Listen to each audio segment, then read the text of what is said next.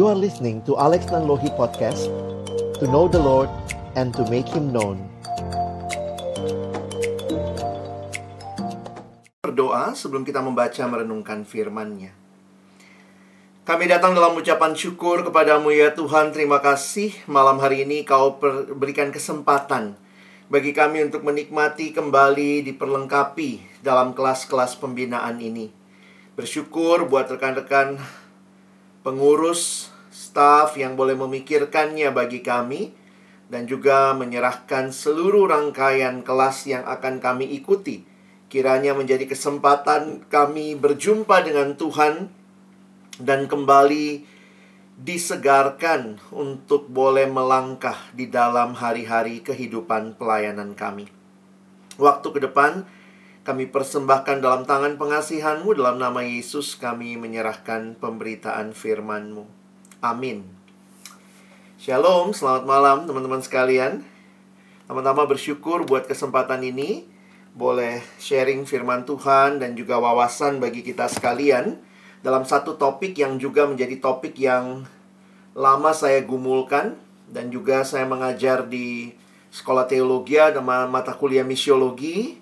Uh, ini juga bagian yang saya ajarkan ya, bagian untuk memahami misi Allah di tengah-tengah kehidupan kita ya. Jadi hari ini kita akan mulai dari rangkaian pembinaan kita. Saya melihat topik-topik yang baik sekali sudah disiapkan sehingga berharap teman-teman juga bisa menikmatinya ya. Dan hari ini kita mulai melihat tentang God's big picture ya. Nanti Bagian selanjutnya juga teman-teman bisa lihat lebih jauh lagi tentang pekerjaan dan bagaimana Tuhan punya rencana yang indah juga bagi kita di dalam pekerjaan kita. Nah, saya ingin mengajak kita untuk pertama-tama memahami tema ini bahwa menarik sekali bicara God uh, God's big picture ini. Ini adalah sebuah realita per, pergumulan semua orang seharusnya kita perlu memahami akan topik ini, ya. Apa sih yang menjadi gambar besarnya Allah? Karena kalau kita bertanya secara sederhana, ya, misalnya kita tanya apa sih arti hidup ini? Maka kemudian banyak orang yang mengartikannya dengan sederhana, ya, hidup yang sukses. But how you define success? Bagaimana saudara mendefinisikan sukses? Sukses menurut siapa? Sukses karena apa? Sukses mencapai apa? Ya, sebagian orang melihat sukses itu ya ini. Kalau selesai kuliah, ya, lalu kemudian bisa bekerja, punya karir yang baik, punya uang yang banyak, lalu kemudian akhirnya bisa juga punya keluarga yang bahagia and they live happily ever after. Intinya, waktu kita bicara tentang masa depan, kita bicara tentang cerita yang mau kita capai, maka kita bicara tentang uh, sebuah masa depan yang cerah, bright future ahead. Tapi mari kita kembali bertanya, ya. Bertanyanya dengan sederhana, what on earth am I here for? Teman-teman, kalau kita beli benda elektronik, selalu ada yang namanya buku manualnya. Sekarang mungkin bukan buku tetapi misalnya disuruh lihat YouTube ya, manual dari barang itu diperagakan begitu rupa. Siapa yang mengeluarkan manual itu? Penciptanya, ya, pabriknya. Maka yang paling tepat membuat manual ya itu pabriknya, ya. Karena itu kalau kita mau bicara, siapakah saya? Bagaimana hidup saya? Mau ke mana saya? maka kita harusnya tanya dong sama yang pencipta kita ya. Dan sebenarnya buku manualnya sudah ada dikasih sama kita ya. Tergantung nih, kita rajin baca nggak buku manualnya. Agak tebel sih teman-teman ya. Alkitab ini menjadi buku manual bagi kita yang mau memahami what on earth am I here for. Saya mulai dari kejadian ya, mungkin ini tidak akan bisa membahas seluruh bagian, tetapi secara khusus kalau kita melihat ya kitab kejadian mencatat awal mula segala sesuatu termasuk awal mulanya manusia. Dalam kejadian 1 ayat 26 sampai 28 beginilah firman Tuhan. Teman-teman bisa ikuti ya. Berfirmanlah Allah, baiklah kita menjadikan manusia menurut gambar dan rupa kita. Supaya mereka berkuasa atas ikan-ikan di laut dan burung-burung di udara dan atas ternak dan atas seluruh bumi dan atas segala binatang melata yang merayap di bumi. Maka Allah menciptakan manusia itu menurut gambarnya Menurut gambar Allah diciptakannya dia laki-laki dan perempuan, diciptakannya mereka. Lalu Allah memberkati mereka, lalu uh, Allah memberkati mereka, lalu Allah berfirman kepada mereka. Beranak cuculah dan bertambah banyak, penuhilah bumi dan taklukkanlah itu. Berkuasalah atas ikan-ikan di laut dan burung-burung di darat, dan atas segala binatang yang merayap di bumi.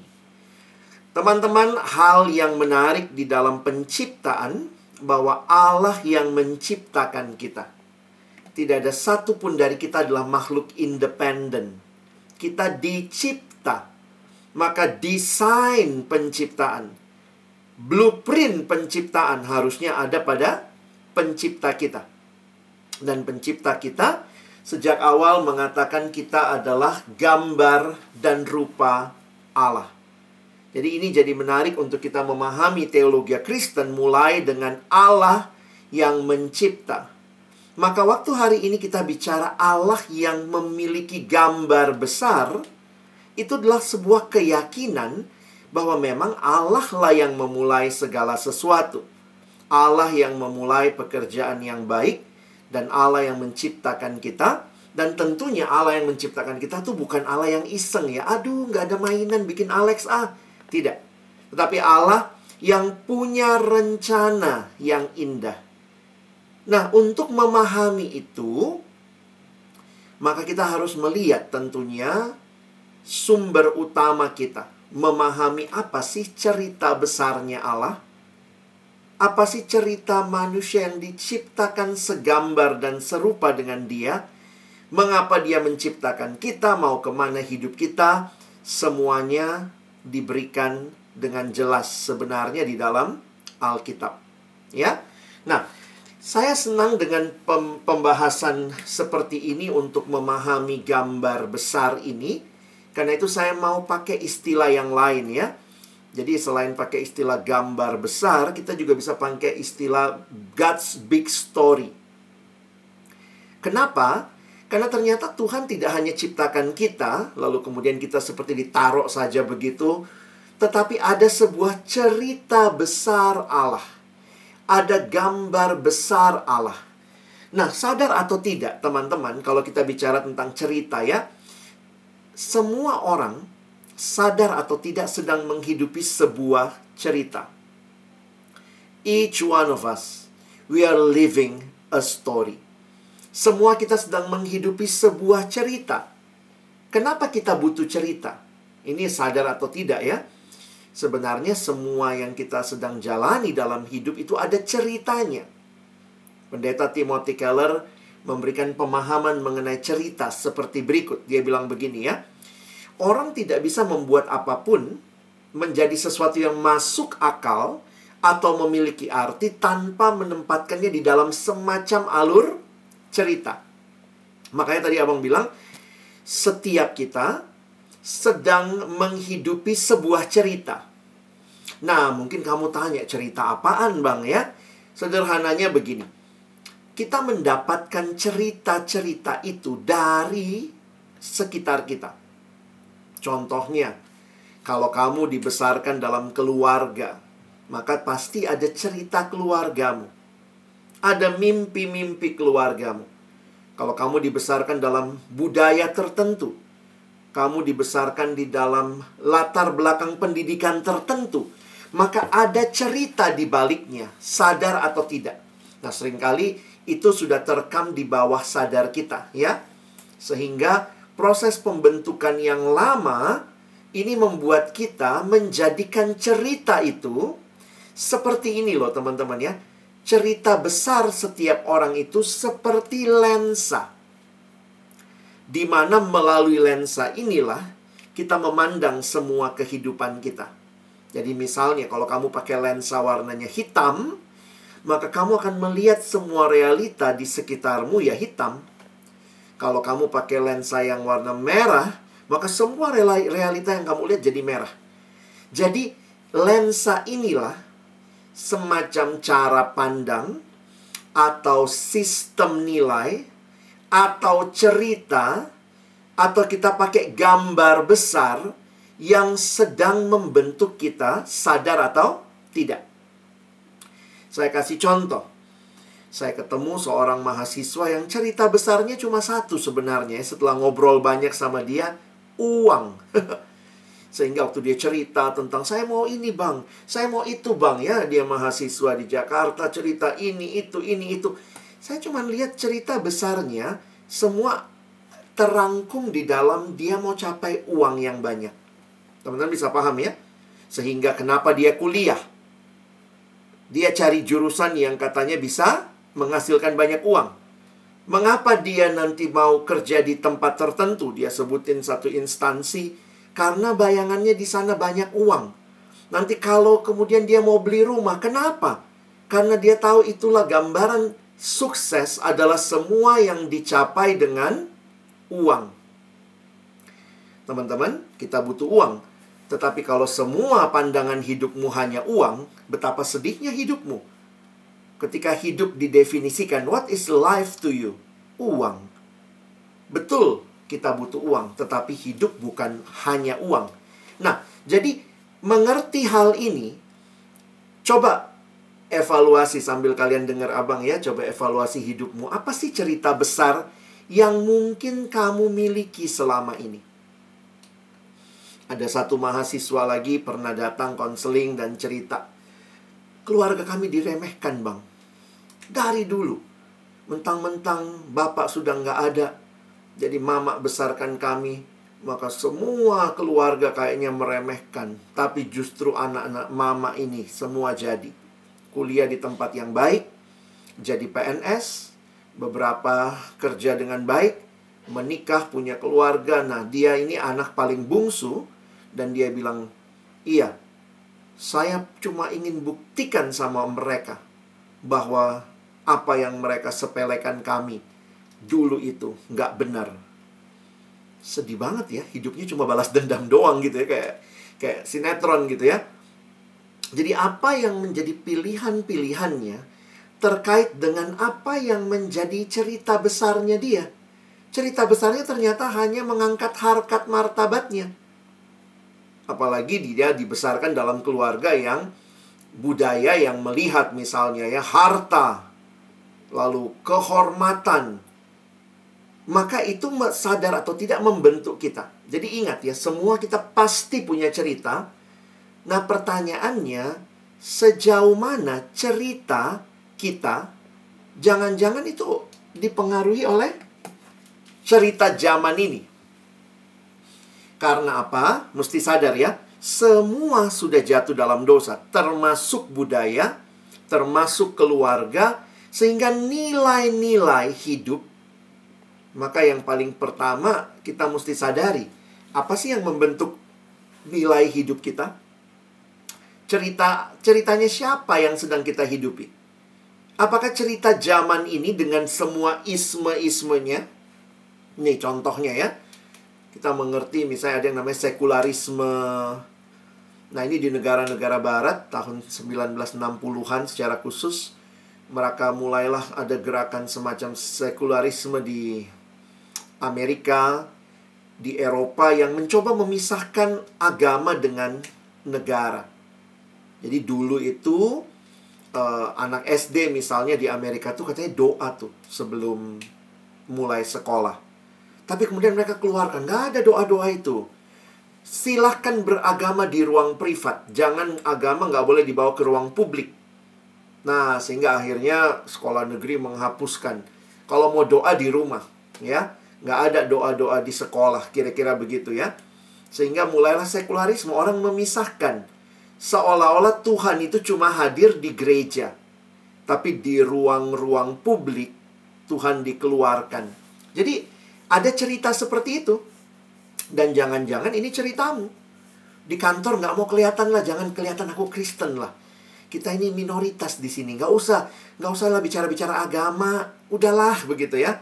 Jadi kadang-kadang pilihan-pilihan kita, misalnya saya ketemu satu alumni juga yang cerita gitu ya. Aku nggak mau terlalu kelihatan fanatik. Wah itu kalimat sekarang alumni ya. Aku pokoknya nggak mau terlalu kelihatan fanatik bang. Sementara waktu saya dengar satu cerita dari Bang Peter Yakob, dia bilang, sebagai alumni lebih baik kamu ketahuan Kristen fanatik supaya kamu nggak diajak neko-neko. Karena dia bilang dulu ketika diajak, ayolah booking cewek, booking cewek lagi tugas luar kota. Tapi karena orang sudah tahu dari awal dia langsung menjadikan dirinya adalah orang Kristen yang taat. Jadi orang nggak nggak jadi ngajak-ngajak tuh kalau ajak si ini, ajak si Peter, ah janganlah dia mah pendeta. Ya udah, itu menolong kita nggak jatuh dalam dosa ya. Tapi ada juga orang yang tidak mau kelihatan Kristen. Diajak minum ya minum, diajak main main perempuan main perempuan. Kenapa? Ya kita mesti bergaul bang, hmm, bergaul ya. Jadi sering kali cara berpikir kita siapa sih yang membentuknya? Jangan-jangan sekularisme Nah, isme-isme yang lain dan cerita-cerita ini kan kita dapatkan dari mana? Mungkin dari film yang kamu tonton, mungkin dari keluargamu, dari pendidikanmu, dari obrolanmu dengan teman dan seterusnya. Sehingga kita itu adalah orang-orang yang terbentuk dari berbagai cerita yang kita ambil dari sekitar hidup kita. Ada lagi orang-orang yang pragmatis, maunya yang empang, enak dan gampang. Ini generasi pragmatisme ya diajak pembinaan, tanya dulu, apa gunanya saya ikut ya? Jadi memang melayani alumni sekarang susah-susah gampang ya. Banyak kali pertanyaannya, akhirnya nggak ikut juga gitu ya. Kayak kalau aku ikut itu emang kenapa dapatnya? Karena sekarang begitu ya.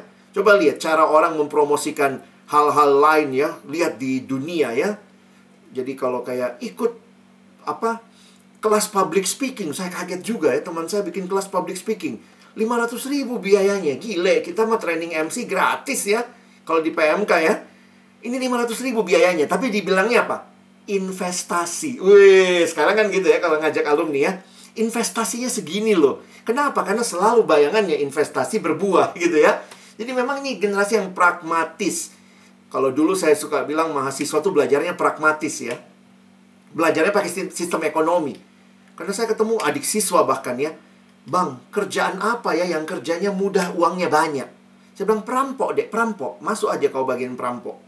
Itu itu maunya generasi enak dan gampang. Ternyata waktu masuk alumni juga begitu. Pragmatis sekali cara berpikirnya. Sehingga selalu berpikir apa gunanya buat saya. Jadi sangat egois ya.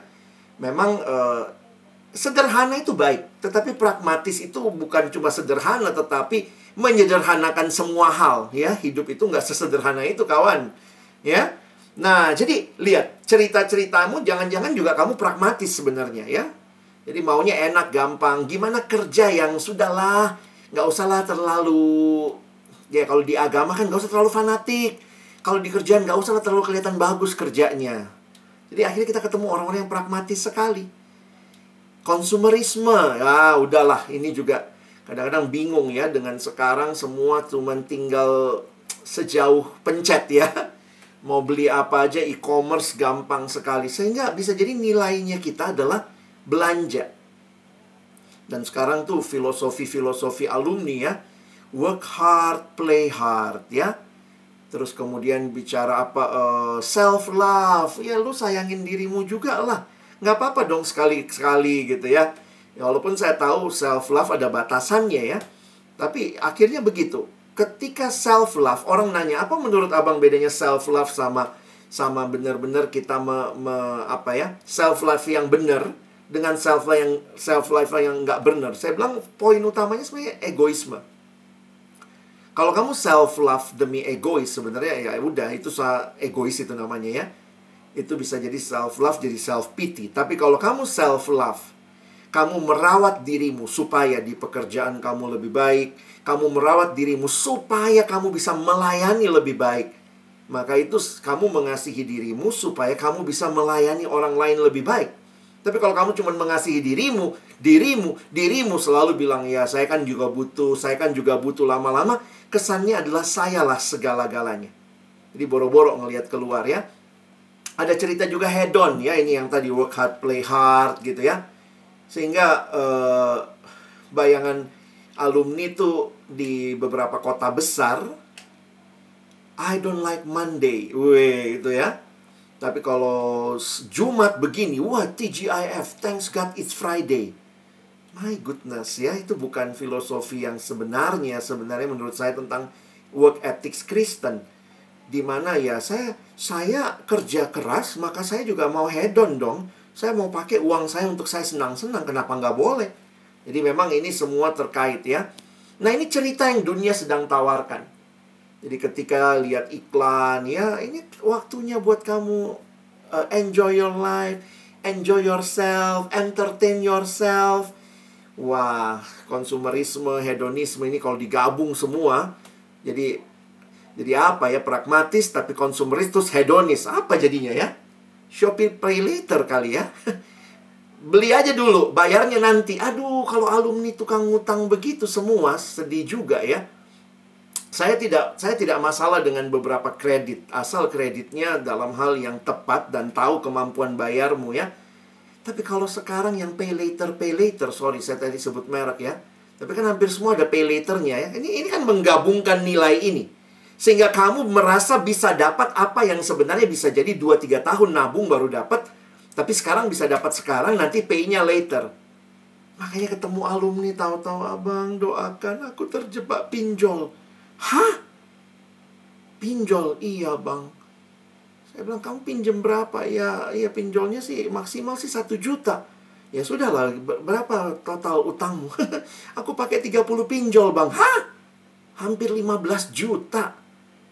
Jadi akhirnya itu ya, kita dibuai. Maaf, saya cerita agak panjang karena saya tahu ini pembinaan alumni kalian juga lebih sedikit ya. Tapi saya cuma mau membukakan cerita apa yang kita bawa ya.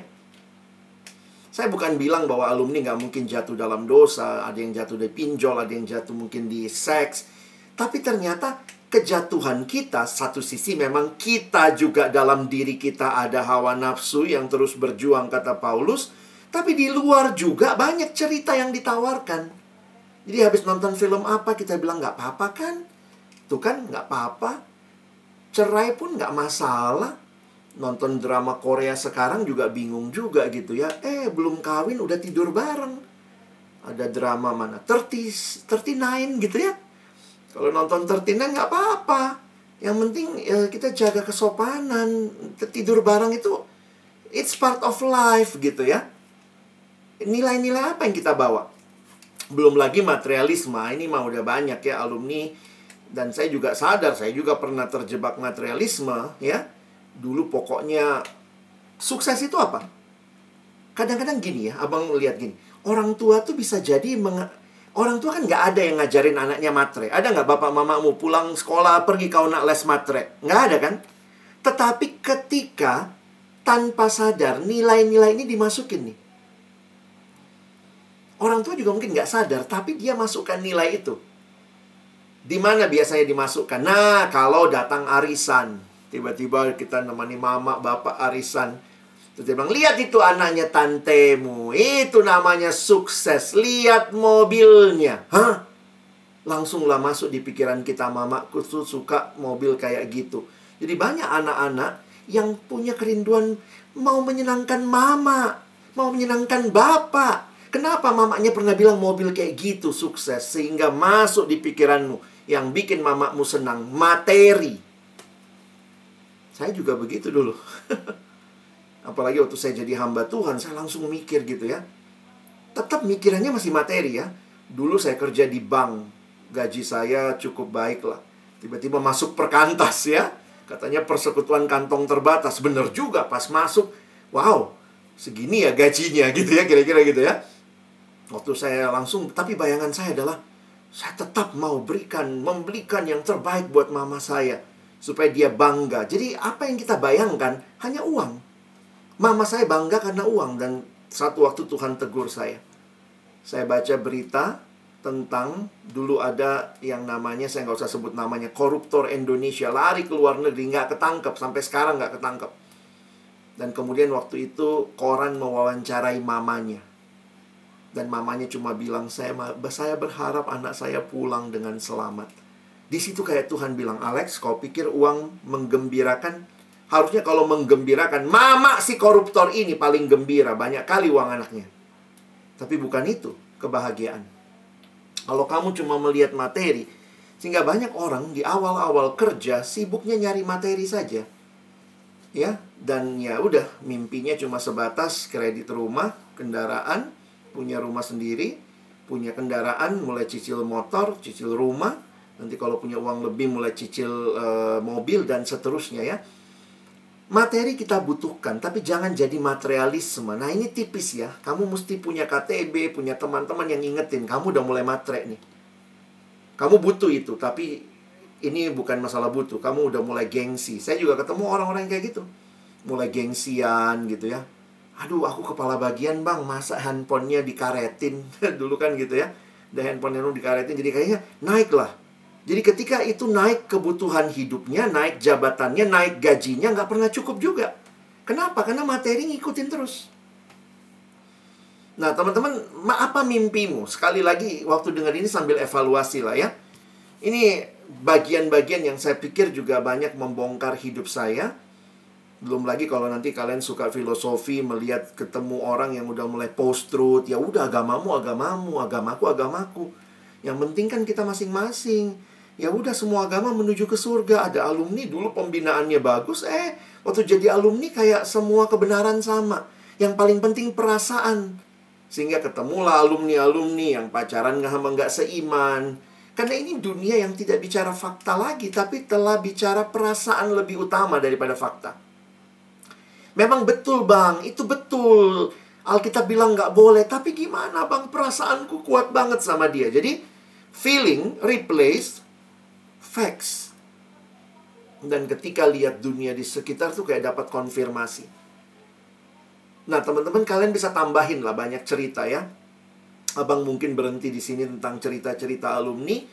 Tapi saya jadi berpikir gitu, ah nggak ada ya gunanya pembinaan dulu waktu mahasiswa ya. Karena ternyata nggak sanggup mengubah nilai-nilai yang mungkin sudah lama tertanam. Ya, Walaupun kalau kita lihat sebenarnya uh, pertanyaan sederhananya, lalu seharusnya cerita apa yang membentuk hidup kita, ya?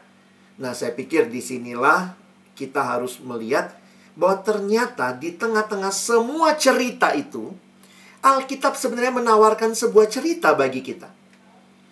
Nah, ini kalimat yang menarik. If life is a story, maka there must be a storyteller. Kalau hidupmu dan hidupku adalah cerita, maka siapa penceritanya? Berarti dia yang menciptakan kita. Sehingga harusnya kita bisa memandang segala sesuatu dari perspektifnya pencipta. Bukan perspektif dunia, bukan perspektif mama kita, bapak kita, bukan perspektif budaya kita, latar belakang pendidikan kita, tapi harusnya dari perspektifnya Allah. Nah, di sinilah kita melihat bahwa belakangan ini atau kira-kira sekitar 10-15 tahun terakhir pendekatan tentang the big story of the Bible, God's big story sebagai cerita utama. Jadi Alkitab juga ternyata menawarkan sebuah cerita yang seharusnya saudara dan saya hidup di dalamnya. Makanya ketika saya uh, bertemu dengan beberapa teman dari negara lain. Saya tanya, apa sih buku-buku pembinaan yang kalian miliki, yang kalian pakai? Nah, salah satu negara yang uh, ada perkantas juga di luar negeri, mereka bilang, kami pakai buku ini. Wah, God's Big Picture. Itu kira-kira 10 atau 15 tahun lalu saya ketemu ya, staff dari negara ini. Dan dia bilang, ada buku bagus God's Big Picture. Nah, kemudian waktu uh, abang berjuang lah ya supaya diterjemahkan ke dalam bahasa Indonesia sehingga kita sekarang sudah punya terjemahannya. Saya saya berharap kalian alumni bisa coba cari buku ini. Memang agak filosofis. Mungkin kalian dengar penjelasan abang, kalian nanti baca buku ini lebih lebih enak lah ya. Bahwa ada cerita besar, ada gambar besar dari Allah karena Dia kan pencipta kita. Dan jangan hidupi gambar besar dari cerita dunia Makanya tadi ya saya cuma pikir-pikir gitu. Kenapa ya dibina sekian lama di kampus waktu jadi alumni tetap aja matre. Tetap aja ada alumni jatuh dalam dosa korupsi. Tetapi ada alumni tertekan, merasa diri nggak berharga. Kalau pekerjaannya kira-kira dibanding pekerjaan temennya mulai minder, nggak mau datang persekutuan alumni. Kenapa? Malulah, aku kan cuma ini. Sementara dia kan jadi amnu gitu. Jadi kayak lo, kok bisa minder begitu? Belum lagi ada yang karena belum dapat kerja nggak mau datang PAK. Kenapa? Minder lah aku, nggak enak lah. Sedih banget, berarti kita nggak sanggup mengubah, tanda kutip ya, pembinaan-pembinaan kita tidak mengubah pola pikir orang. Kelompok-kelompok kecil kita ternyata menghasilkan lebih banyak orang matre. Cuma pakai jubah Kristen. Matrenya dia doain, bilangnya, oh ini adalah kehendak Allah. Padahal sebenarnya keinginan diri. Nah, jadi saya kemudian melihat, nah ini yang saya bilangnya, ini bukan satu-satunya. Tapi ini salah satu perspektif yang saya pelajari. Melihat bahwa ada gambar besar yang harusnya diajarkan sejak anak semester 1. Jadi dalam pembinaan-pembinaan sekarang, makanya kenapa perkantas kita mengganti bahan pembinaan dari buku mengenal Allah kita mulai dengan peta hidup baru ya peta hidup baru itu mengambil pola gambar besar dari Allah. Jadi kasih per perspektifnya dulu. Apa sih secara utuh pembinaan kita?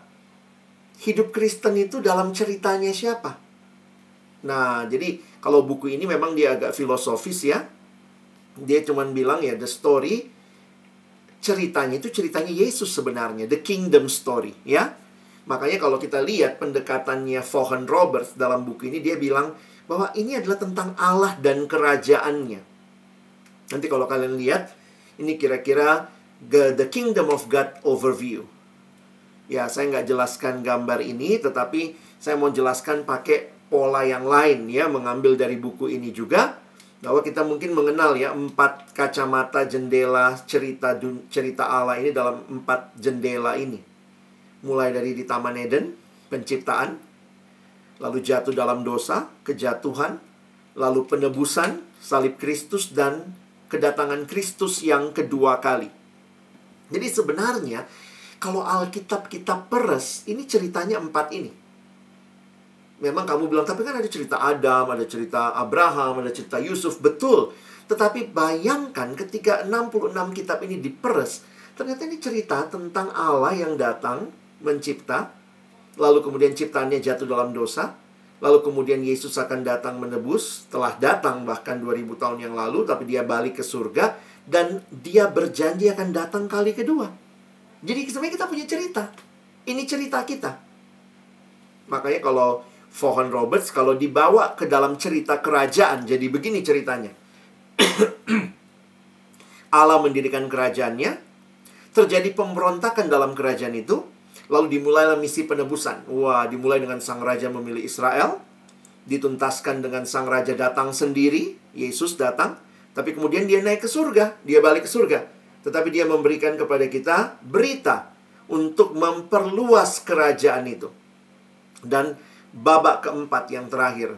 Dia berjanji akan datang kembali kedua kali dan kita sedang menantikan kedatangannya ini. Menarik ya? Oh, ini toh ceritanya. Jadi kalau kalian perhatikan, ini cerita yang indah. Allah memulai dan Allah yang akan menggenapi. Nah, ini dibahas lebih lanjut dalam buku yang selalu jadi buku wajib kalau ikut KNM ya. Jadi sebenarnya ini di KNM kita minta semua mahasiswa sebenarnya yang ikut harusnya baca buku ini. Sebenarnya untuk apa? Untuk mengerti cerita besar Allah. Karena ini buku misi umat Allah menceritakan tentang bagaimana misi Allah dalam dunia secara utuh. Dengan cerita tadi. Yang sebelah kanan itu penulisnya Bapak Christopher Wright. Paling kanan saya ya. Bukan saya yang nulis ya ini saya ketemu Bapak Christopher Wright beberapa tahun lalu dalam camp Perkantas Internasional. Nah, Bapak Christopher Wright, dia penerus dari John Stott. Jadi sebenarnya ya, John Stott yang lebih awal banyak memperkenalkan empat itu ya, creation, fall, redemption, consummation. Jadi John Stott memakai pendekatan itu dan kemudian ini lanjutannya dikembangkan oleh Bapak Christopher Wright. Bapak Christopher Wright membuat cerita tadi tetap empat babak. Ya. Tetapi dia pecah-pecah. Nah, karena dia ahli Alkitab, maka dia bilang sebenarnya penebusan itu jangan langsung lihat Yesus disalib, tapi justru dimulai sejak Abraham dipanggil. Jadi ketika Allah me, manusia jatuh dalam dosa, Allah memanggil Abraham terus. Jadi ceritanya begitu sampai kepada nanti Kristus datang kedua kali, maka ciptaan nomor satu menjadi ciptaan baru. Namanya teolog ya, terus mikir. Itulah kerjaan teolog ya. Makanya terus bisa bikin buku orang ini ya. Nah, dia mikir-mikir lagi, lalu kemudian dia tulis lagi satu buku. Nah, dalam buku yang dia tulis, judulnya How to Preach and Teach the Old Testament for All Its Worth, masih oleh Bapak Christopher Wright, dia meminjam sebuah pendekatan yang menarik. Dia bilang bisa juga kita pakai bahwa seluruh kisah Alkitab, kalau diperes, kalau empat itu kan terlalu umum ya. Dia bilang kita bikinlah jadi enam babak. Makanya dia bikin lagi pakai pakai gambar ini, ya. Nah, cerita besar Allah ini dia rangkum dalam enam babak. Dia bilang kalau perhatikan, kamu bisa jelaskan kalau temanmu tanya, apa sih isi Alkitabmu? Kau bilang, duduk kau sini. Dua menit, saya jelaskan dalam dua menit. Kau cukup menggambar enam simbol ini. Inilah seluruh Alkitab. Dalam dua menit kau bisa jelaskan. Ada enam babak. Yang pertama apa? Panah ke bawah. Allah menciptakan segalanya. Lalu kemudian manusia jatuh dalam dosa. Tapi Allah tidak berhenti di situ. Allah memberikan janji, promise. Lalu kemudian digenapkan di dalam Kristus. Lalu terjadi nomor lima dan nomor enam. Allah akan membaharui segala sesuatu. Teman-teman, saya skip sengaja nomor 5. Kenapa? Kita ada di nomor berapa? Kalau lihat gambar ini, teman-teman dan saya kita ada di nomor berapa? Ya nomor 5 ya. Jangan kau bilang, aku nomor 2 bang, aku samping ular waktu itu ya. Sayang ya, ularnya nggak ketemu kamu ya. Nah, teman-teman kamu dan saya, kita ada di nomor 5. Menarik sekali Bapak Christopher Wright. Judulnya apa nomor 5? Dia memberi judul ini adalah Eh, sorry. Kelihatan nggak ya? Ah, itu. Judulnya Mission. Jadi dia katakan, kita semua yang sedang menunggu Kristus, kita sedang ada di dalam misi. Makanya dia tulis buku Misi Umat Allah. Karena dia berkata bahwa menunggu Yesus datang, maka semua kita yang sudah diselamatkan di nomor 4, kita punya misi untuk membangun kerajaan Allah, menantikan Yesus datang kedua kali. Makanya nanti minggu depan atau bulan depan kalian akan belajar pekerjaanmu matters, your work matters because we are on a mission from God. Kalau kamu mengerti kisah ini, cerita ini, maka dari mana kamu bisa belajar cerita ini? Ingat, ini sumbernya Alkitab maka bacalah Alkitab baik-baik, kamu akan makin memahami cerita ini di dalam konteks kehidupanmu. Perhatikan penjelasan Abang. Jadi sebenarnya begini. Kadang kita suka mikir gini ya. Ini cara pikir kita yang lama. Saya punya rencana, saya punya cita-cita, ini hidupku, ini rencanaku. Lalu kemudian kita bilang, Tuhan, masuklah dalam hidupku. Berkati rencanaku. Ayo Tuhan, berkati rencanaku. Tapi kalau kalian mengerti gambar ini, sebenarnya bukan begitu ceritanya. Cerita yang tepat adalah ada seorang yang punya cerita besar. Dialah Allah kita. Dia punya cerita besar dari awal sampai akhir. Tetapi kemudian dia memasukkan kita. Dia mengundang kamu dan saya masuk dalam ceritanya. Sehingga bukan kita bilang, Tuhan masuk ke ceritaku. Kesannya kayak, wah Tuhan, aku yang punya cerita, masuklah ke ceritaku. Tapi kekristenan harusnya memandang, ini ceritanya Allah. Your life is in God's big story. Dan Allah undang kamu masuk dalam ceritanya. Bisa lihat bedanya? Maka, teman-teman dan saya, ketika engkau menjalani ceritamu di dalam cerita besar Allah, maka engkau bisa memahami this is not your story. Ini bukan ceritamu, ini bukan cerita cerita orang tuamu, ini bukan cerita budayamu, ini bukan cerita latar belakangmu, ini bukan cerita dunia ini, ini ceritanya Allah. Jadi jangan hidupi cerita yang lain. Harusnya engkau menghidupi cerita ini. Bagaimana memahami cerita ini ya baca kitab suci baik-baik, engkau akan bisa mengerti. Makin mengerti gimana cerita Allah ini. Teman-teman, secara sederhana saya mikir gini ya. Ini banyak yang suka nonton drama Korea nggak ya? Bayangkan ada misalnya penulis naskah drama Korea dan sekaligus sutradara terkenal. Dia lagi mau bikin drama yang baru Lalu kemudian sudah ada naskahnya, dia udah siapin, lalu cari pemeran utama.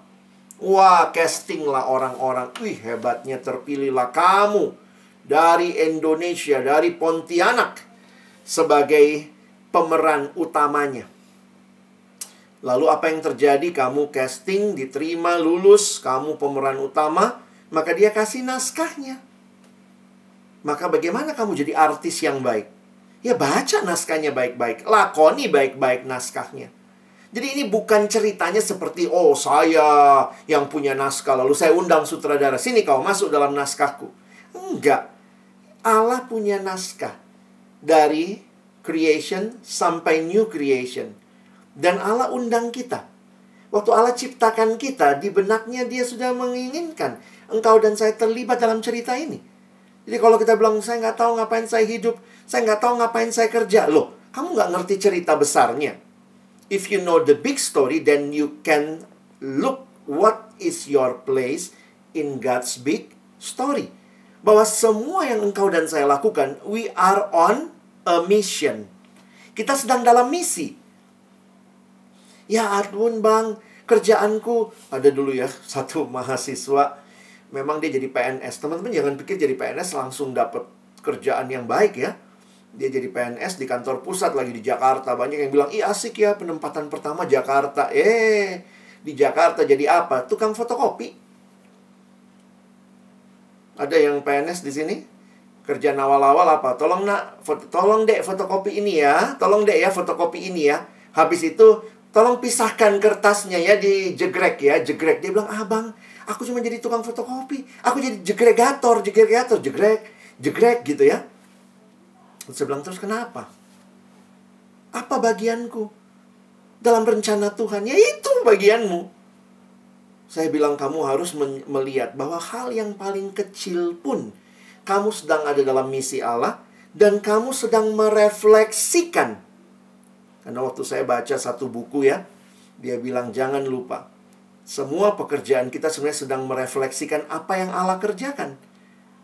Jadi dia bilang, apa refleksi Allah dengan saya bang menjegrek-jegrek ini? Saya bilang, itulah. Kau masih ingat Allah mencipta? Waktu Allah mencipta, dia pisahkan ini daratan, ini laut. Lalu kemudian dia ciptakan ini benda-benda penerang di langit, ini yang di bumi, di bawah. Jadi Allah pun juga ya pisah-pisahin ya. Kau pisahin dokumen ini, ini dijegrek jadi satu. Ini, ini jegrek jadi satu. Nggak apa-apa. Kamu sedang merefleksikan Allah yang mencipta. Kenapa Allah tidak suka ketidakteraturan? Makanya kalau kita lihat ya, di dalam anugerah Allah, penciptaan itu membuat semua teratur pada tempatnya masing-masing. Jadi pekerjaan-pekerjaan kita yang paling remeh-temeh. Saya bilang, kamu baru begitu, udah syukur-syukur jadi PNS ya Nanti kalau kau ibu rumah tangga, aduh bang, aku cuma ibu rumah tangga. Kerjaku nyusui bayi, ganti popok, berak dia, ini, aduh nggak ada gunanya aku. Aku S2 loh bang, tapi ini ganti-ganti popok. Ya puji Tuhan, membereskan yang yang uh, yang yang kotor-kotor gitu itu juga bagian itu yang Allah lakukan kan dengan kehidupan kita.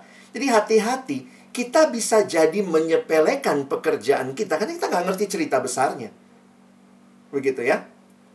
Nah, jadi sebenarnya itu sih inti yang Abang mau sampaikan malam ini. Ceritanya siapa yang kamu hidupi dan kalau kamu lihat ada kan ceritanya Allah nih.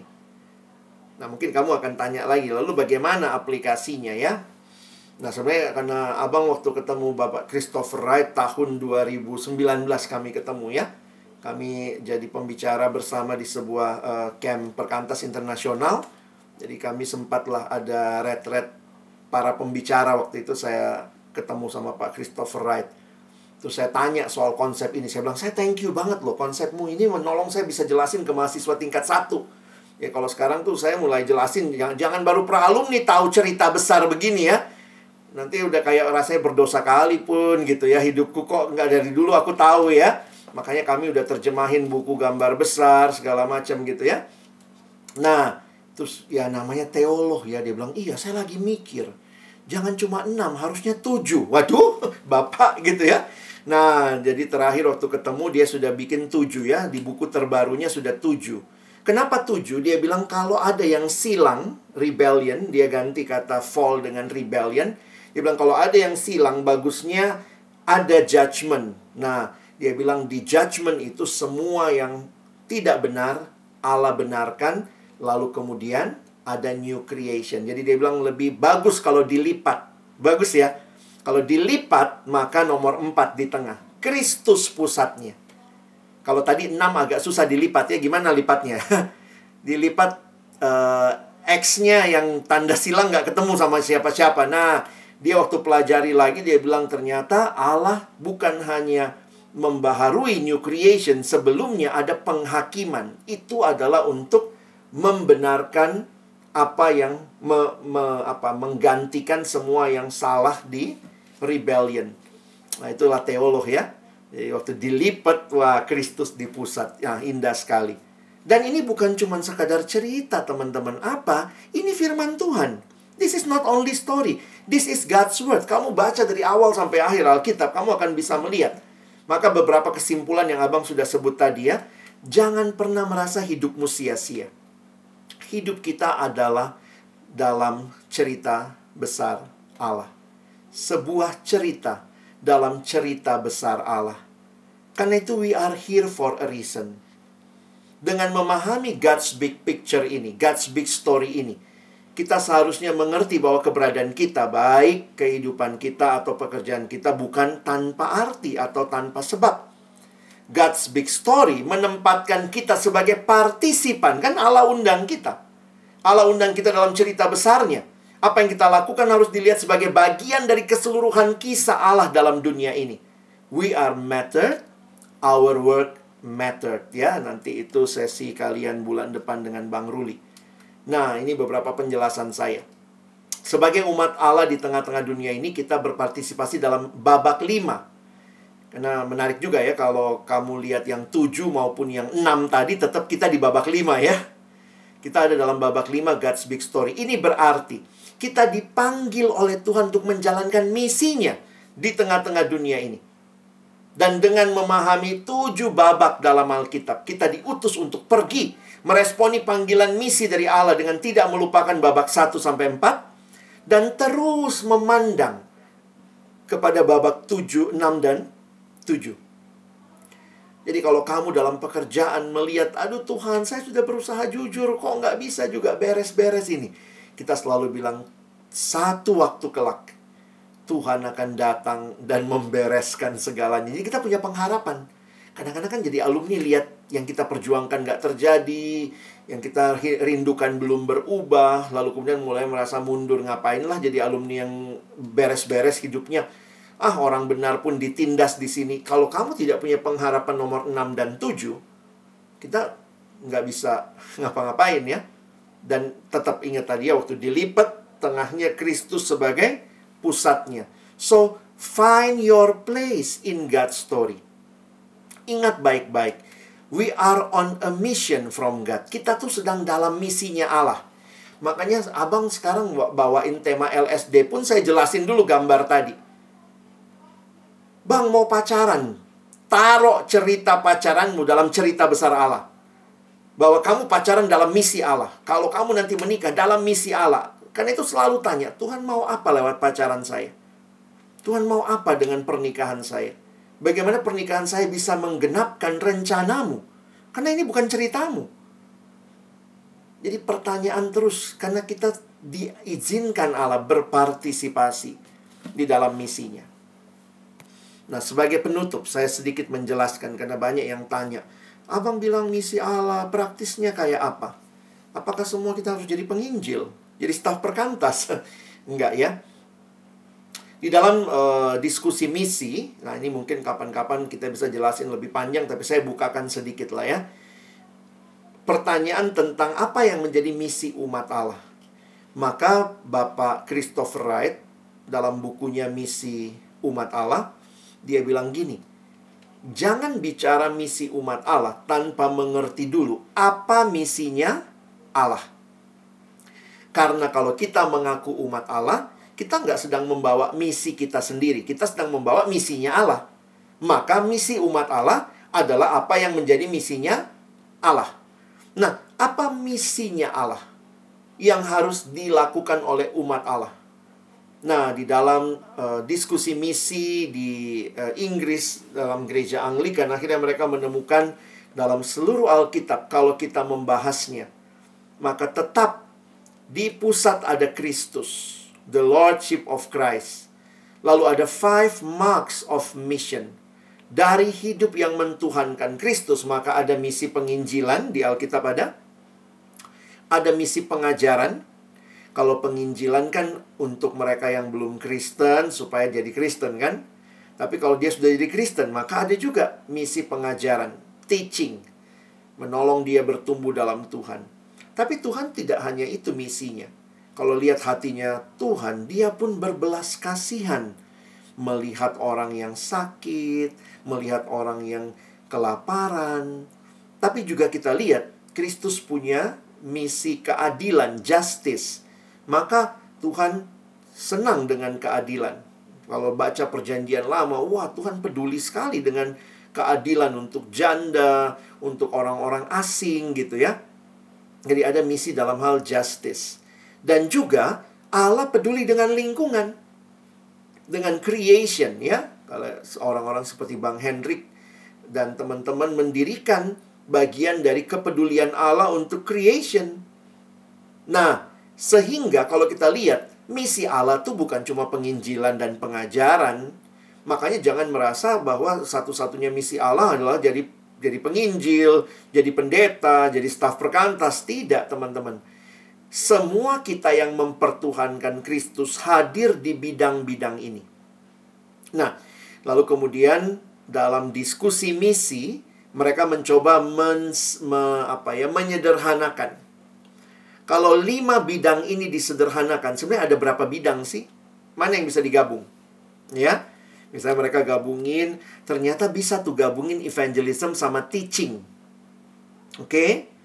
Compassion sama justice juga bisa digabung, ya, sehingga akhirnya jadi tiga misi utama, ya evangelism and teaching itu menjadi misi membangun gereja karena gereja kan tugasnya itu building the church.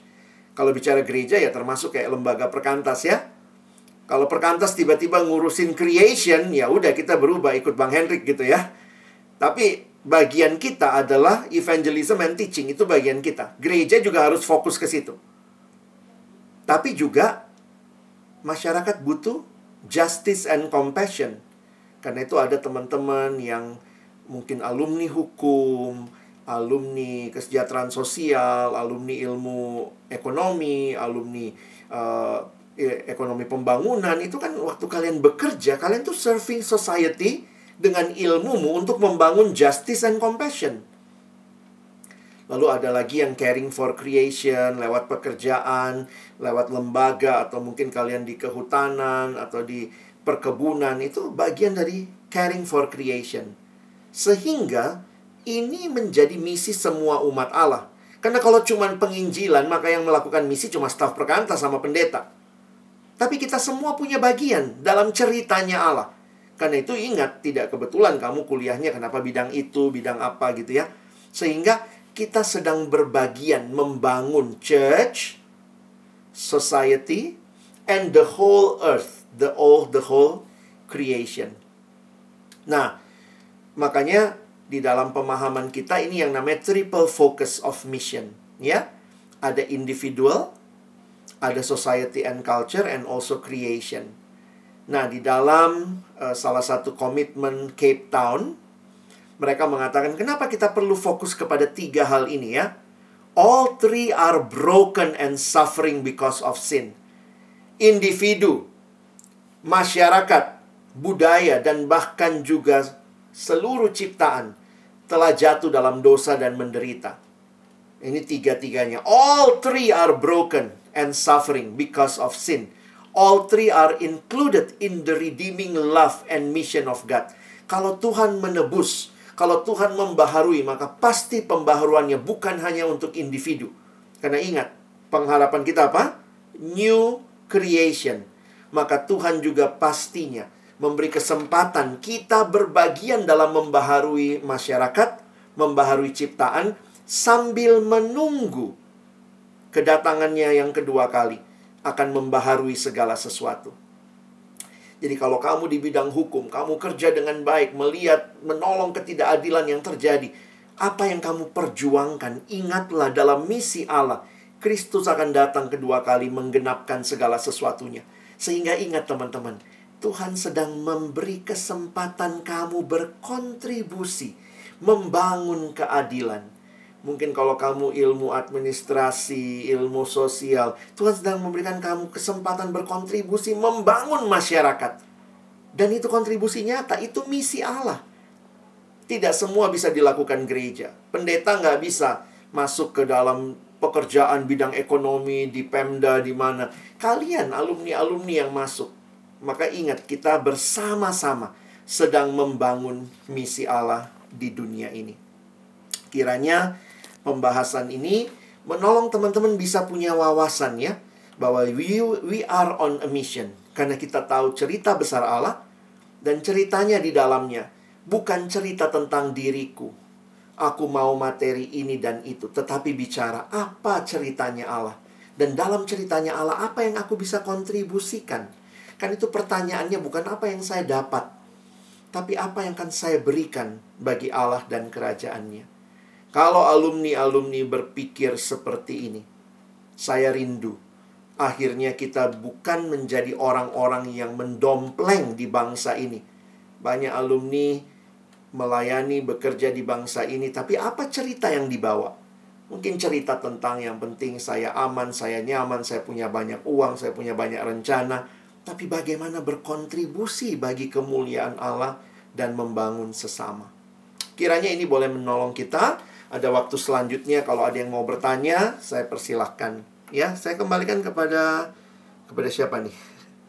Wis ya. Silakan, Dek. Ya, uh, terima kasih Bang Alex buat sharing firmannya. Uh, mungkin dari teman-teman, alumni dan alumni muda, apakah teman-teman yang mungkin dulu dalam pembinaan-pembinaan yang biasa kita ikuti baik itu di perkantas atau camp-camp uh, nasional mungkin kita kembali disegarkan mengenai topik ini ya topik bagaimana uh, kita adalah bagian dalam uh, ceritanya Allah. Atau um, dan akhirnya pada uh, pada saat ini mungkin teman-teman sedang uh, apa ya sedang mempertanyakan sesuatu boleh langsung ditanyakan ke Bang Alex. Apakah ada yang ingin uh, sharing uh, mengenai Sugian tadi sudah open mic.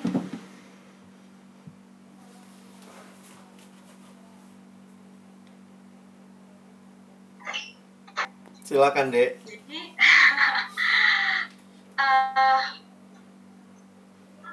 berbicara uh, mempertanyakan apa yang bisa saya kontribusikan uh, dalam ceritanya Allah ini kan pasti berkaitan dengan background pendidikan ya bang ya. Hmm, hmm. Nah uh, mungkin di dalam prosesnya uh, di masa pra alumni itu kan uh, setelah lulus maunya dapat kerja dulu nih. Hmm.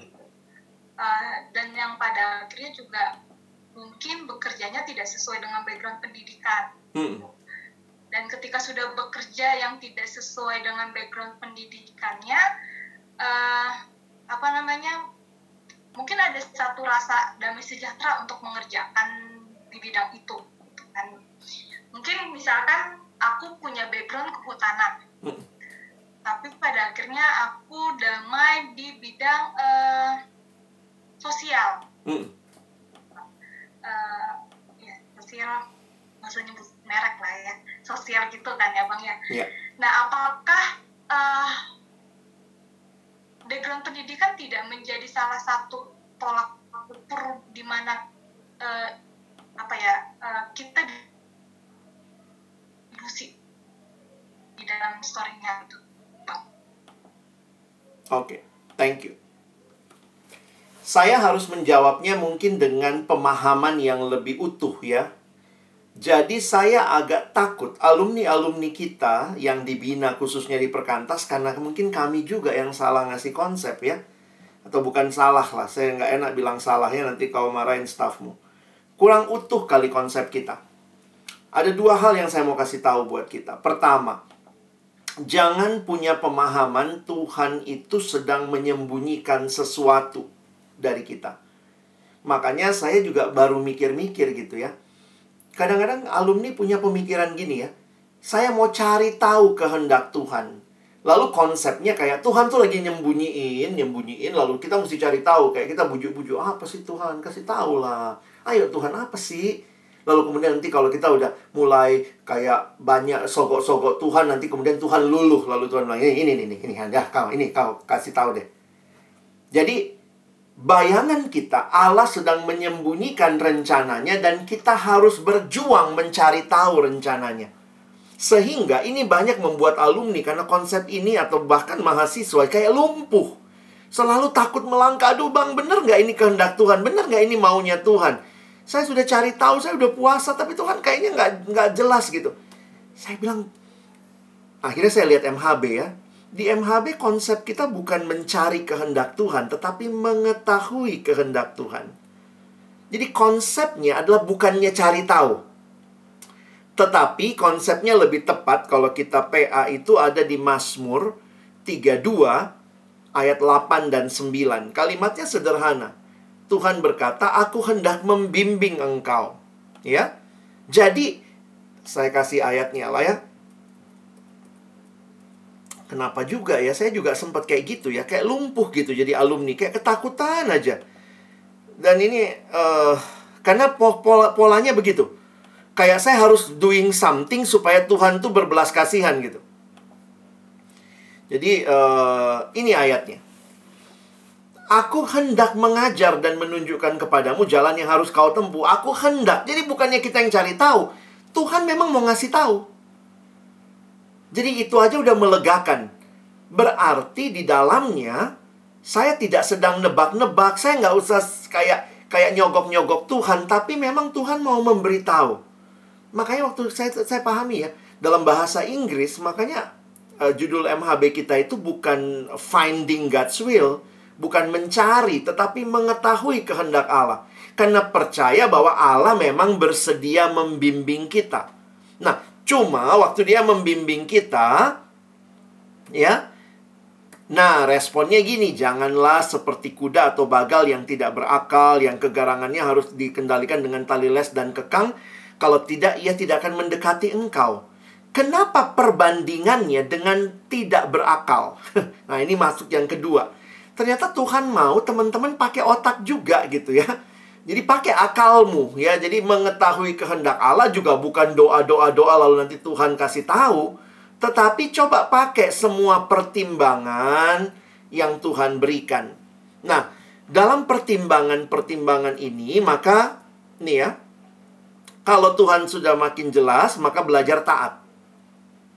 Nah, konsep berikutnya yang perlu diklirkan adalah konsep ini ya. Hmm, nih, calling itu, panggilan itu tidak identik dengan job. Jadi kadang dengan gambaran ini buat saya, saya tidak masalah teman-teman yang mungkin awalnya kuliahnya pertanian, tapi ternyata berakhirnya di bank.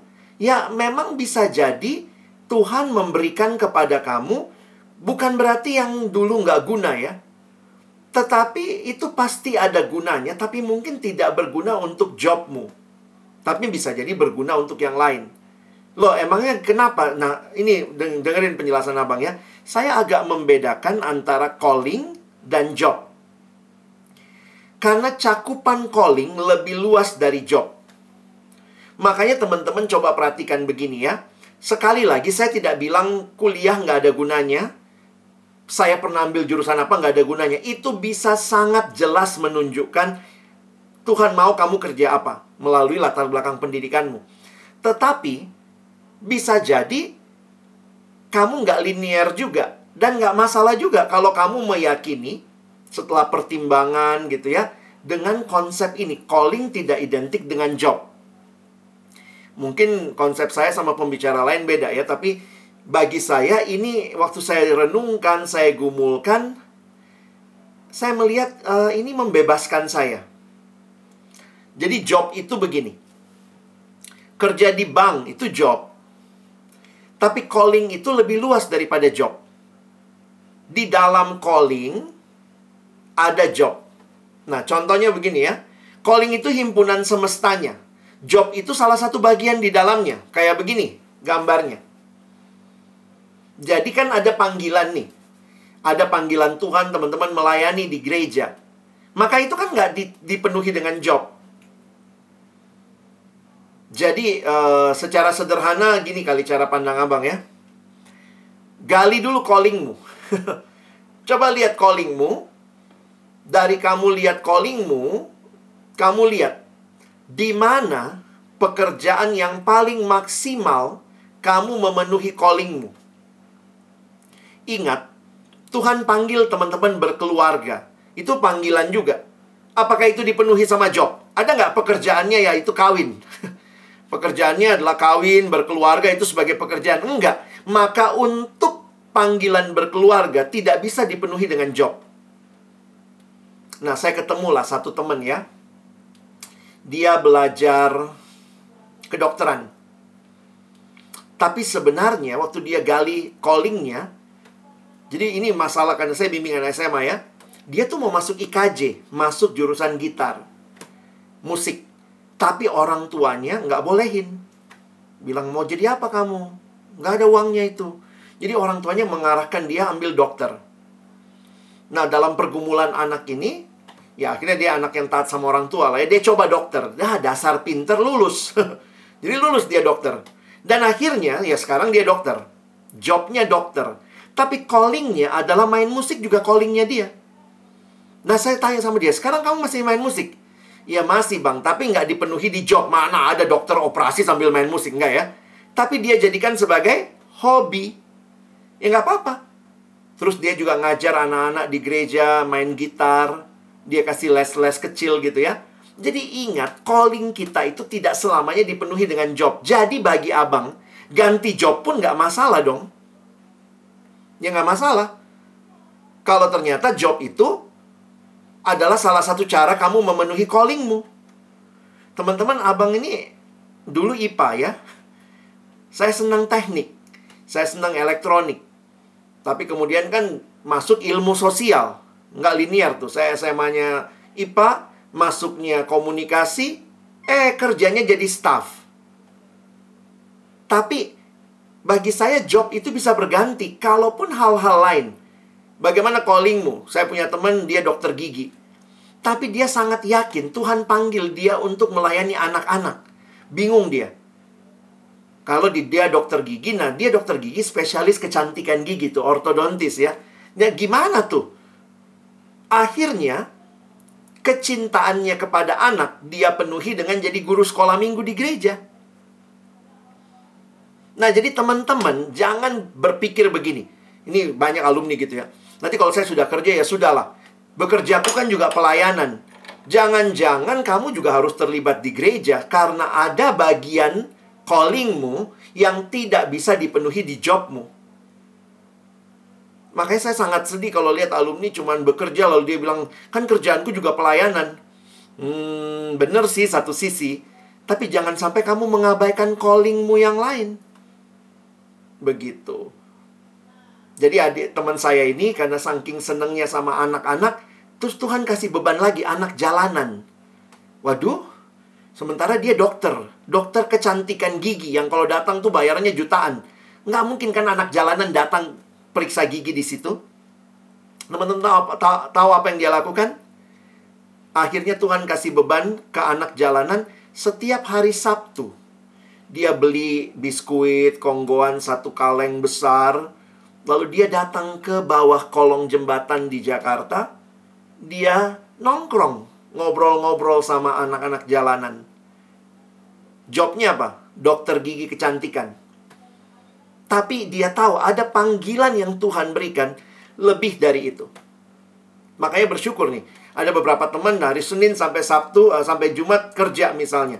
Tapi Sabtu misalnya mengambil volunteer di mana, bantu proyek apa, masih melayani di perkantas karena callingmu tidak hanya bisa dipenuhi dengan job. Jadi termasuk juga Bagaimana kalau dulu saya jurusannya bukan itu, Bang? Nggak apa-apa juga kalau kamu dapat job itu dan begini. Jangan-jangan itu cara Tuhan memenuhi kebutuhanmu karena kamu butuh duit kan? Tapi bagaimana ilmuku? Jangan-jangan ilmumu Tuhan pakai di bagian lain. Dan pasti ya kalau kita S1 di Indonesia, sebenarnya S1 itu mendidik kita punya pemikiran sistematis. Dan itu bisa dipakai di ilmu apa saja. Di pekerjaan apa saja. Nah mungkin begitu yang saya mau bagikan supaya kita tuh nggak tertekan gitu. Nggak apa-apa juga. Bang adekku tiga lagi belum kuliah. Saya mau tunggu jurusanku nggak ada, yang terbuka di sini. Inikah rencana Tuhan? Saya kadang bilang, dek, nggak usah tanya rencana Tuhan. Kalau itu terbuka, dan itu kau lihat sebagai keyakinan, mungkin tiga tahun saya kerja ini, sesudah itu kau mau balik kerjaanmu yang ilmumu, terbuka kesempatan, silahkan. Tapi kalau kau, bang, kayaknya aku makin yakin di sini, ya sudah nggak apa-apa. Nah itu cara melihatnya jangan ketakutan ya.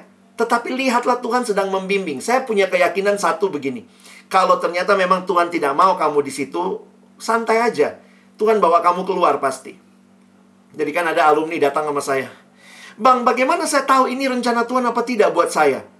Saya bilang, masuklah ke situ. Lo kok masuk situ? Kamu maunya apa? Ya mau tahu dulu ini rencana Tuhan atau tidak. Bagaimana tahu? Masuk aja dulu. Begitu kau masuk, bukan di sini, keluar kau kan?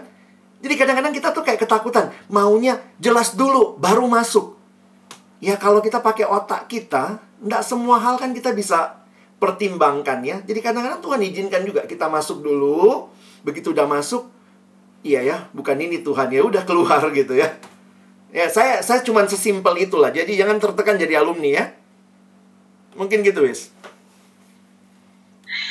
Iya, thank you, Bang. Uh, ya jangan tertekan teman-teman sebagai alumni yang mungkin saat ini sedang tidak uh, tidak bekerja sesuai dengan background pendidikan. Ya, nggak dosa juga lah.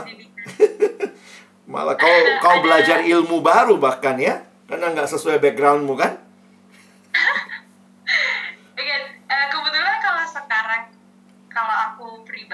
Hmm. sekarang emang lagi studi lanjut karena oh. uh, karena um, memiliki memiliki keyakinan sih, oh iya memiliki keyakinan mungkin bisa dibilang begitu karena background kehutanan, hmm. tapi aku punya kerinduan lebih uh, apa ya mungkin bisa lebih dalam hmm. untuk terlibat dalam kehutanannya akhirnya memutuskan studi lanjut yang tadi juga sempat teringat dari kata bang Alex emang Tuhan buka jalan aku ke arah sana pasti hmm. Tuhan buka jalan ternyata Tuhan buka jalan untuk studi lanjut linear deh studimu linear uh, mungkin bisa dibilang linear juga sih bang cuma oh. lebih kompleks uh, apa namanya studinya sekarang. Hmm. Siap-siap kalau Tuhan ternyata habis kau S2 selesai terus menikah, Tuhan bilang jaga anak, nggak apa-apa juga. Nikmatin gitu ya. nggak usah jaga pohon kan, masa pohon yang dijaga, anak lah yang dijaga gitu ya. Jadi kadang-kadang kalau saya sih ngelihatnya Tuhan pimpin tuh kadang step by step ya. Teman saya sesudah anak besar baru dia kembali ke ilmunya. Tapi selama ini ya dia nonton YouTube, tetap ilmunya dia update, tapi ya dia harus membatasi dia prioritas anak. Begitu ya. Hidup itu jangan dibikin susah, dibikin indah dalam ceritanya Tuhan lah gitu, gitu ya. Ya uh, ada lagi ya bang kakak rekan-rekan yang ingin share cerita atau uh, bertanya langsung ke bang Alex?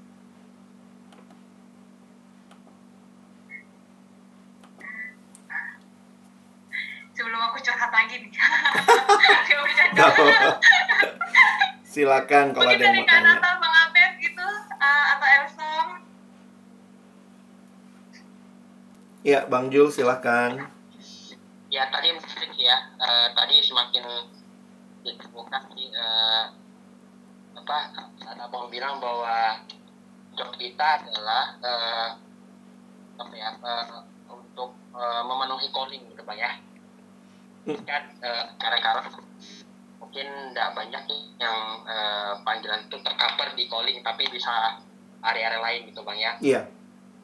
Jadi nyata sih bang berarti Allah kita tuh Allah yang memang memberikan ya mungkin kebebasan ya kayak gitu. Hmm. dan mungkin bisa bekerja secara dinamis. Coba ya uh, apa misteri apa ya kehendak Tuhan tuh ya unik. Setiap orang. Benar. makanya banyak salah jurusan. Tetapi sebenarnya uh, pengertian kita ya. Iya. Bahwa setiap pengalaman itu sebenarnya nggak yang useless gitu loh Betul. kalau perusahaan sebenarnya mungkin bisa tuan pakai ya katakanlah misalnya kita satu tapi uh, di perusahaan itu atau di prodi itu kita dapat pembinaan kita belajar kan betul itu juga nah, sia-sia bagi Tuhan gitu loh. Benar. Nah sering itu kita kita jadi nggak bisa berkembang karena kita melihat kayaknya aku salah gitu ya mengenal kehendak Tuhan atau bukan tempatku kita jadi nggak maju-maju begitu pak. Jadi semacam hmm. kita mau masih untuk bekerja uh, ada sebagian alumni yang berpikir ya bang terima kasih. Thank you Joe.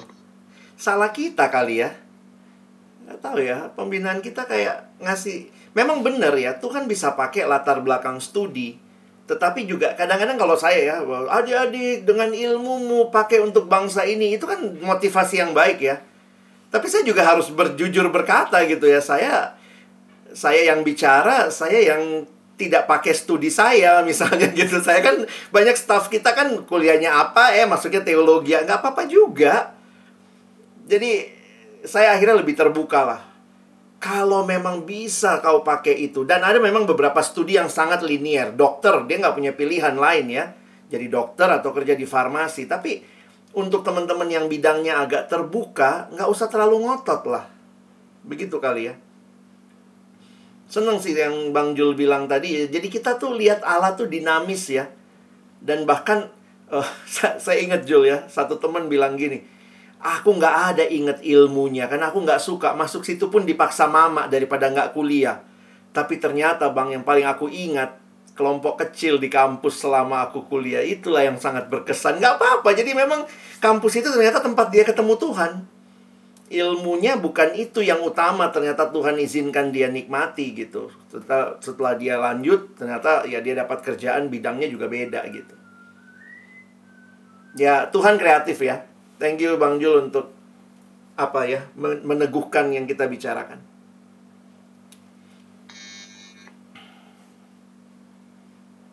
Ada lagi? Mari teman-teman kita satukan hati, kita berdoa. Tuhan terima kasih buat setiap kebenaran, setiap pemahaman, wawasan yang boleh kami terima malam ini apa yang memang berasal dari Tuhan, Tuhan teguhkan dan kalau mungkin ada hal-hal yang masih belum kami pahami, Tuhan tolong kami melalui proses yang ada. Melewati seluruh proses bersama Tuhan, kami makin diteguhkan untuk apa yang menjadi rencanamu yang indah bagi hidup kami. Kami ada dalam cerita besarmu, dan dalam cerita besar ini Tuhan memberikan kepada kami juga kebebasan untuk memilih hal-hal yang kami rindukan. Melaluinya kami berkontribusi bagi kerajaan Allah. Seringkali tidak ada hubungan yang terlalu erat antara studi kami dengan apa yang kami lakukan, bahkan yang studinya pun dalam bidang yang sama. Ketika kami bekerja, kami belajar lagi. Karena itulah kami berdoa Tuhan agar jangan sampai kami takut melangkah tetapi biarlah kami berani melangkah karena kami melangkah bersama Tuhan. Sehingga tantangan, pergumulan dalam pekerjaan tidak membuat kami lumpuh, tetapi membuat kami terus bergairah, memberikan seluruh hidup kami bagi kemuliaan Tuhan. Berkati waktu selanjutnya dalam kelompok sharing bisa lebih terbuka, lebih membagikan pergumulan kami dan juga pokok-pokok doa kami.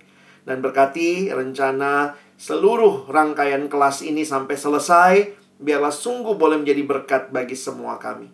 Dan kami menutup firman-Mu malam ini dalam nama Yesus kami sudah berdoa dan bersyukur. Amin.